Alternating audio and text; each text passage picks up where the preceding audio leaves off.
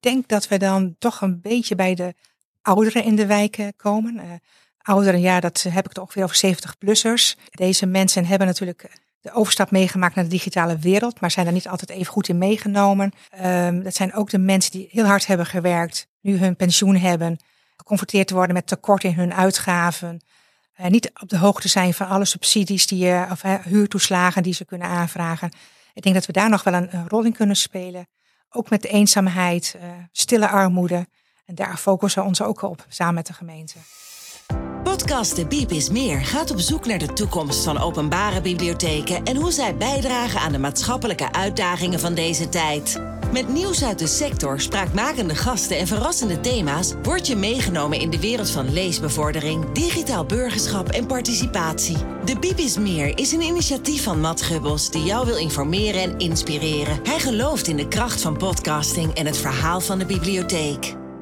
Welkom bij deze aflevering van De Biep is Meer. Een aantal weken geleden sprak ik met Angela Stassen van de Bibliotheek Meersen. Deze keer zit ik opnieuw in de bibliotheek in het diepe zuiden van het land en spreek ik met iemand die niet helemaal nieuw, maar wel relatief nieuw in de sector is. En dat is manager Harriet Plantegaar. Harriet, welkom. Dankjewel, Matt. Welkom in je eigen bibliotheek. Ja, heerlijk. Hoe voelt dat? Ja, het voelt echt als mijn eigen bibliotheek inmiddels. En werkzaam sinds 1 december. En voor mijn gevoel is het misschien wel langer geleden. Uh, maar het is uh, heerlijk om hier te zijn. Jij bent nieuw in de sector, vandaar dat dit de aanleiding was om met jou te spreken. Maar jij komt heel ergens anders vandaan, hè?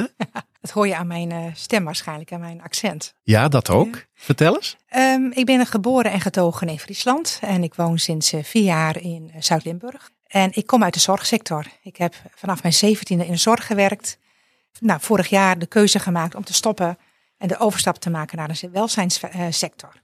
Ja, en dan kom je dus bij de openbare bibliotheek ja, uit, onder andere. Onder andere, en dat was niet uh, gepland. Maar ik zag uh, de vacaturetekst en ik denk, ja, en boeken en management, daar staat mijn naam op. Ik moet schrijven. Ja. Ja, en zo is het ook gegaan. Maar het is ook heel bijzonder ik weet niet of je dat verhaal wilt vertellen. Je werkte bij een huisartsenpost. Klopt. En dan werkte je als manager. Maar jouw mensen die werkten s'nachts en s'avonds. Ja. Terwijl ja. jij overdag de manager uitging. Ja, dat is ook een van de redenen geweest dat ik denk van die pool. Ik was altijd aan het werk. S ochtends dan ging ik naar het kantoor en dan werkte ik van 9 tot 5. Uh, maar mijn team begon om half vijf, om vijf uur te werken. En werkte tot de volgende dag acht uur. En het gevolg was dat ik 24-7 op scherp stond. En uh, dat heeft mij wel uh, keuze doen maken om te stoppen. Er zijn ook een aantal dingen gebeurd waar ik niet blij mee was. Maar ik merkte dat ik gewoon niet meer aan schrijven toe kwam. Dat is een van mijn hobby's. Uh, laat staan aan nadenken van gewoon, goh, waar ben ik mee bezig? Dus na uh, dik drie jaar dacht ik van, ja, ik ga hier niet mee door, want ik word hier niet gelukkig van. Ja, nou je zei het al, hè? je bent fervent schrijver, ja. schrijfster. Ja. Je staat zelfs in de bibliotheek met jouw boeken. ja, ja, erg leuk. Het was elke, een van de ja. eerste dingen die jij deed. Van kijk, kijk, dit is mijn boek. Ik zeg, elke keer zet ik mijn boek op de bovenste plank hier. Ja. Nu, nu heb ik, denk ik, in handen jouw eerste boek. Klopt, hè? Ja. Volgens mij hè, in het voorgesprek, tijd geleden al, zei je van, nou, dat is eigenlijk mijn minste boek. Ja, ja, ja minste kwaliteit. Uh, want ik denk wel dat schrijven iets is wat je moet leren. En dat boek uh, heb ik uh, heel spontaan geschreven met mijn vriendin. En dat boek is ook dus een wisselwerking tussen haar stijl en mijn stijl. En dat is ontzettend leuk om te doen. Het heeft mij ook vertrouwen gegeven dat ik kan schrijven. na het eerste boek zei mijn vriendin Ingrid van... Harriet, dit nooit weer. Ik vond het leuk. Ik heb een boek met mijn naam erop, maar ik, ik stop ermee. Maar inmiddels was ik zo verslingerd aan het schrijven dat ik dus doorgegaan ben. En de eerste drie boeken ben ik wel in die stijl doorgegaan. romans, veel goed boeken, uh, niet, te veel, niet te veel moeilijke thema's uh, bespreken. En na drie boeken, toen zei mijn man van ja, nou een keer wat anders. Doe eens een spannend boek. En dat vond ik superleuk om te doen.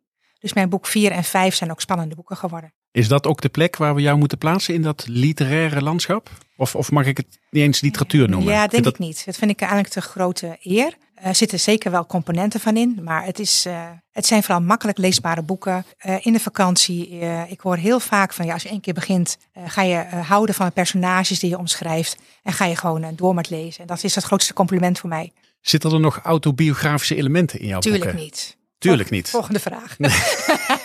ja, zeker wel. Ja, Dingen waarvan je zegt, nou, dat wil ik wel delen met, met, met de wereld. Ja, dat, ja, zit het zeker wel in. volgens mij kan je ook nooit helemaal schrijven zonder, uh, je, je, neemt jezelf mee. Er komen scheidingen in voor, ik ben zelf gescheiden, ja dat doet iets met je.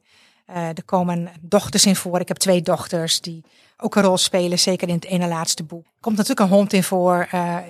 Als mijn gezin het boek leest, moeten ze altijd lachen. Want ze herkennen heel veel van hun eigen levens, ja, hun bestaan erin. Niet altijd even leuk vinden ze dat, maar ja, geen keuze. Ja.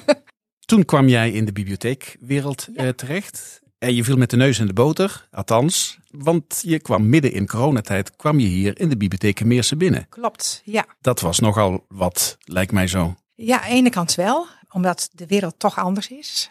Aan de andere kant heeft het me ook heel veel tijd gegeven om de wereld juist goed te leren kennen. Want er waren minder activiteiten, we hadden allemaal maatregelen. Ehm, dus ik ben daar gewoon ingerold en uh, meegegaan met de flow. En ik heb hier een team zitten die al, inmiddels al anderhalf jaar ja, dik anderhalf jaar hun werk deden in de, in de pandemie. Dus die hoefde ik ook niks te vertellen. Zij deden hun werk goed, af en toe even sparren. Ja, dus ik heb dat niet als een belemmering ervaren. Wat, wat is jou bijgebleven uit die eerste periode in, in, ja, in coronatijd? De onzekerheid. En wanneer stoppen de maatregelen? Wanneer komen nieuwe maatregelen? Dat je heel erg afhankelijk bent van de informatie die van de overheid komt. Ja, dat vooral. Dus een beetje leven bij de, nou, bij de dag is wat overdreven, maar wel bij de week. Um, maar ook flexibel zijn. En uh, ik denk dat dat juist wel heel goed gelukt is. Maar de onzekerheid. Hoe ben je omgegaan met het feit dat je niet uit die bibliotheekwereld uh, kwam? Een tijd geleden sprak ik Doekel Pinkst, onlangs ook directeur geworden bij Bibliotheek de Veluwezoom en het cultuurbedrijf Rick. En die zei van ja, uh, mensen keken toch wel een beetje raar tegen mij dat ik niet uit hun wereldje kwam. Um, ja, dat heb ik zelf nog niet zo ervaren. Ik denk als je een goede manager bent, maakt het niet uit in welke sector je werkt. Uh, manager heeft bepaalde eigenschappen nodig, een bepaalde ervaring. En of ik nou in de bibliotheek werk of in de gezondheidszorg, ik, ik doe mijn werk. Uh, en mijn netwerk moet ik wel opnieuw opbouwen, dat heb ik wel gemerkt. Uh, maar de mensen zijn juist heel vriendelijk, behulpzaam. en inmiddels ben ik een half jaar verder en spreek ik wel aardig de taal van de bibliotheek. Behalve het boek, het woord netwerkagenda. Ja, daar moet je geen vragen over stellen. Nee, nee, moet daar dat geen... Is, nee, dat is nog te ver van mijn bedje. Dat staat ver weg. Um, nu ben je ook nog parttime manager. Ja. Want je bent hier niet de hele week. Nee, zeker niet. Nee. Hoe, hoe, hoe ga je daarmee om? Ja, dat vind ik juist een hele mooie constructie. Uh, ik ben hier vier ochtenden in de week. Uh, dan uh, ondersteun ik mijn team, ben ik gewoon aanwezig. En om een uur of twee stap ik in de auto naar huis. En daar ga ik verder aan mijn werk als freelance schrijfster. En dat is ideaal. Ja. Ja, heel fijn. Ja. En nogmaals, ik heb hier een team wat al heeft hier twee jaar gewerkt in de pandemie, zonder echte directe aanwezigheid van een manager. Ja, die, die redden zich wel. En ik ben er altijd uh, bereikbaar voor te sparen. Dus nee, geen probleem. Ja. Ideaal. Nu zijn de dames en heren hè, die hier vrijwillig en betaald uh, werken inmiddels uh, gewend aan jou. maar stel, ik kom hier volgende week maandag werken. Wat voor soort leidinggevende krijg ik dan voor de voeten geworpen met jou? Ja, um, eentje die luistert, uh, maar vooral uh, het, het, team uh, laat doen waar hij of zij goed in is en leuk vindt. En ik ben wel degene die kaarten schept, hè, zowel met budget, met de, het resultaat wat ik wil, graag wil zien. en verder laat ik geef ik ze heel veel ruimte en ook tijd om na te denken en terug te komen met resultaten. En dat werkt in deze bibliotheek heel goed. Ik, ik hoef niet opdrachten te geven inclusief taken. Zij doen waar ze goed in zijn. En inmiddels ook als ze iets doen wat ze minder leuk vinden, omdat het zo gegroeid is, voelen ze ook de ruimte zo van, hé hey Harriet, uh, kunnen praten, want ik vind het wat minder leuk en ik weet dat die het wel leuk vindt. Het gaat eigenlijk heel natuurlijk, dus coaching. Wat is het mooiste dat je tot nu toe met jouw mensen hebt bereikt? Um, een, een, stabiel team. Zij waren wel een beetje uh, nou, niet meer zo gewend dat er elke dag een manager aan de, in de bibliotheek is. Dat heeft dan ook heel veel gebracht qua uh, zelfstandigheid en meedenken. Maar ook een stuk aandacht is er daardoor weggeraakt. En ik merk dat zij het afgelopen half jaar gewoon weer het zelfvertrouwen hebben gekregen. Het vertrouwen in elkaar als team, uh, de goede dingen doen. Ja, ik denk echt het team is weer een team geworden. Als je nou zo rondloopt in onze sector, ik zeg altijd in onze sector, want ik ben zelf ook werkzaam in en voor eh, de sector. Wat, wat valt jou dan op? Um, dat vind ik nog best wel een moeilijke vraag. Wat mij opvalt is, uh, ik ben van de week bij een collega geweest in Landgraaf. Het lastige is, vind ik zelf, in deze wereld de alle tijdelijke financiële regelingen. De subsidies. Je weet niet uh, hoeveel subsidie je volgend jaar krijgt. Je krijgt een subsidie voor projecten voor een jaar. Dan haal je goede krachten binnen. Je doet een geweldig project en na het jaar is het geld op. Dat vind ik, dat vind ik lastig. En dat is denk ik uh, heel begrijpbaar. We werken veel met vrijwilligers. Dat vind ik heel mooi is ook een extra dimensie. Dat zijn wel een paar dingen die me opvallen. Even terug naar die netwerkagenda, waar we heel ver van moeten blijven, zei je. Uh, maar in die netwerkagenda staan heel veel maatschappelijke uitdagingen, stelseluitdagingen staan daarin uh, in, uh, vermeld. Maar als je even de inhoud van de netwerkagenda wegdenkt, wat zijn dan de grote uitdagingen waarvoor jullie hier in Meersen, in het kleine Meersen, relatief kleine Meersen, 18.000 inwoners, geplaatst zijn als bibliotheek? Um, ik denk dat de continuïteit um, de grootste uitdaging is. Uh, wat ik net zei, we hebben altijd tijdelijke financieringsregelingen. Uh, je wilt het goede uit je team behouden. Je wilt nieuwe projecten opstarten uh, in de gemeente om bijvoorbeeld leesbevordering te doen. Dat is denk ik de grootste uitdaging. En we hebben gelukkig een gemeente die daar heel goed op inspeelt. We hebben net nu net een nieuwe bestuur, hè, nieuwe wethouders. Het is altijd even spannend hoe het dan gaat rollen. Ik denk dat daar de grootste uitdaging zit. Maar ik zie ook wel kansen met leuke projecten. Ja, noem eens wat voorbeelden waar je mee bezig bent. Dit jaar zijn we gestart met uh, leesbevordering, uh, met NPO-gelden van de overheid. Uh, in nauwe samenwerking met de gemeente en de scholen.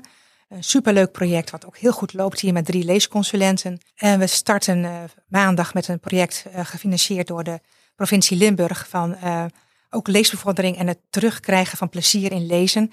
Uh, met behulp van podcasting. En dat is een geweldig uh, project uh, waar wij komend jaar mee aan de slag gaan met een hele gemotiveerd team. Met Maris College, met Meer Vandaag, met een externe projectleider, de bibliotheek. Ja, dan voelen we echt ons van waarde in deze gemeente. Wat heb je als bibliotheek nog bij te dragen aan ja, de lokale opgaves binnen de gemeente Meersen? Zijn er bepaalde ja, thema's die spelen waarvan je denkt, nou daar kan ik iets, iets, iets in betekenen als bibliotheek? Denk dat we dan toch een beetje bij de ouderen in de wijken komen. Uh, ouderen, ja, dat heb ik het ongeveer over 70-plussers. Deze mensen hebben natuurlijk de overstap meegemaakt naar de digitale wereld, maar zijn daar niet altijd even goed in meegenomen. Um, dat zijn ook de mensen die heel hard hebben gewerkt, nu hun pensioen hebben, geconfronteerd te worden met tekort in hun uitgaven.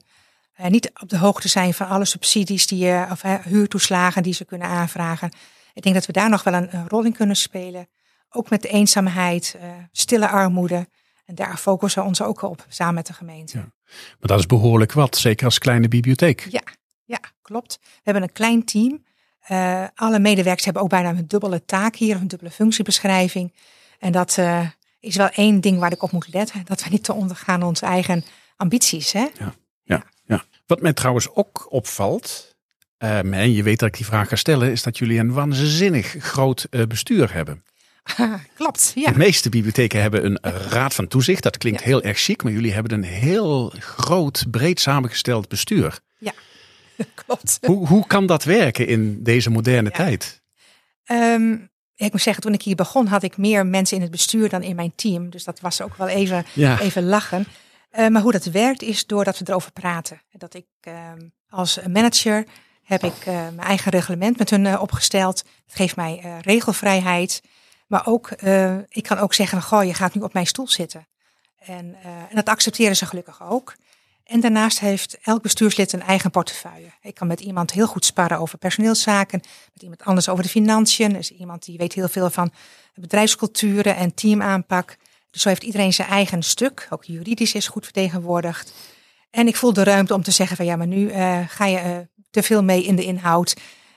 Dank je wel, maar Jij mag zeggen wat we gaan doen, maar ik ga bepalen hoe we dat gaan doen. En dat is uh, uitgesproken en dat scheelt al enorm. En volgens mij heb je ook een bestuur dat zelf ook nog heel veel bijdraagt hè, in operationele zin. Ook dat wel, wordt nu wel minder, omdat we daar goede afspraken over hebben gemaakt. Maar het bestuur doet ook aan zelfevaluatie. Van, goh, doe ik nog, heb ik nog voldoende waarde in, deze, uh, in dit bestuur? Uh, heb ik nog een bijdrage? Ben ik nog up-to-date met mijn kennis? En dat vind ik natuurlijk heel sterk dat je naar je eigen functioneren kijkt. Nu weten we dat jij een begaafd schrijfster bent. Uh, maar je hebt ook nog een andere leuke hobby. En ik moest daar laatst aan denken, want ik was te gast bij een andere podcast, What the Biep. En de voorzitter van de Raad van Toezicht daar, Sylvia Bakker, die heeft zelf ooit een zwempodcast eh, gemaakt in coronatijd. Maar jij hebt ook iets met, ja, dat lijkt op zwemmen, hè? Ja, ja klopt. Uh, ik ben een uh, duiker sinds vijf jaar. En ehm, ja, dat is een hele fijne hobby voor mij geworden. Maar het leuke is dat ik daar nu voor schrijf. Ik ben freelance schrijfster geworden bij het tijdschrift Duiken. En uh, dus ik kijk nu ook van achter het beeldscherm. Uh, interview ik mensen over de hele wereld inmiddels over hun uh, passie met de duiken. En uh, daar schrijf ik columns voor, ik schrijf artikel. En ja, dat is superleuk om te doen. Ik ben niet een hele ervaren duiker, niet. Ik ben ook niet een hele dappere duiker. Maar daardoor juist um, extra betrokken bij verhalen van duikers. Uh, ja, heel leuk om te doen. Nou, ik heb ooit één keer gedoken.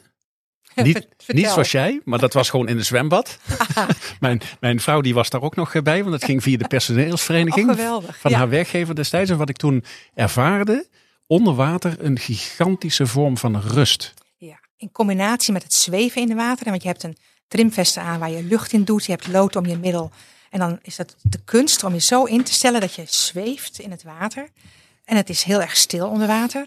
Ja, dat is de ultieme rust voor mij. En ik hoef niet naar 30 meter, want dan word ik echt diep ongelukkig. Maar als je mij laat zweven op een meter of 12, 15 in deze stilte, ja, dan ben ik alles kwijt. Helemaal in combinatie met mijn man en dochters om me heen. Dat is geweldig. Nou, dit is dus uh, Harriet Plantinga. Uh, niet alleen manager van een bibliotheek, maar ook uh, auteur van heel veel boeken. Ik zou iedereen willen aanraden om de boeken maar eens op te zoeken, want ze zijn gewoon in iedere lokale bibliotheek zijn ze, zijn ze te krijgen. Ja, en eigenlijk ben jij stiekem best wel succesvol. Ja, en, ja. En, ik, nee, nee, en ik zie jou denken, want ik heb jouw boeken natuurlijk ook opgezocht in, in, op, op bol.com. En sommige van je boeken zijn gewoon uitverkocht. Ja, leuk hè? Dus dat zou een graadmeter kunnen zijn voor succes. ik vind het vooral heel leuk om te doen. Ja. Uh, dat is het allerbelangrijkste. Denk ik sowieso uh, dat mensen doen wat ze leuk vinden hè, en er energie van krijgen. En ik heb een tijd lang gewerkt uh, wat me geen energie gaf. Dus ik weet ook de andere kant van die medaille. En als je kan schrijven of podcast gaan maken en het geeft je energie, ja, wat wil je nog meer? En dat draag je dan vervolgens weer over naar de mensen hier. Ja, klopt. Ja. ja. Nou, leuk om met jou gesproken te hebben, Harriet. Uh, ja, nogmaals, uh, massaal op zoek naar de boeken van jou. En uh, ik hoop nog eens een keer met jou te spreken als de projecten die jij noemde, het podcastproject, om dat nog eens een keertje dat, nader te bespreken. Ja, dat gaat echt heel interessant worden. Ja, ja leuk, dat doen we. Dankjewel. Jij ook. Bedankt voor het luisteren naar deze aflevering van De Biep is Meer. Heb je zelf een mooi verhaal om te vertellen? Neem dan contact op via info.onderzoekmeteffect.nl De Biep is Meer is een initiatief van Matt Gubbels. Hij gelooft in de kracht van podcasting en het verhaal van de bibliotheek. Graag tot een volgende keer.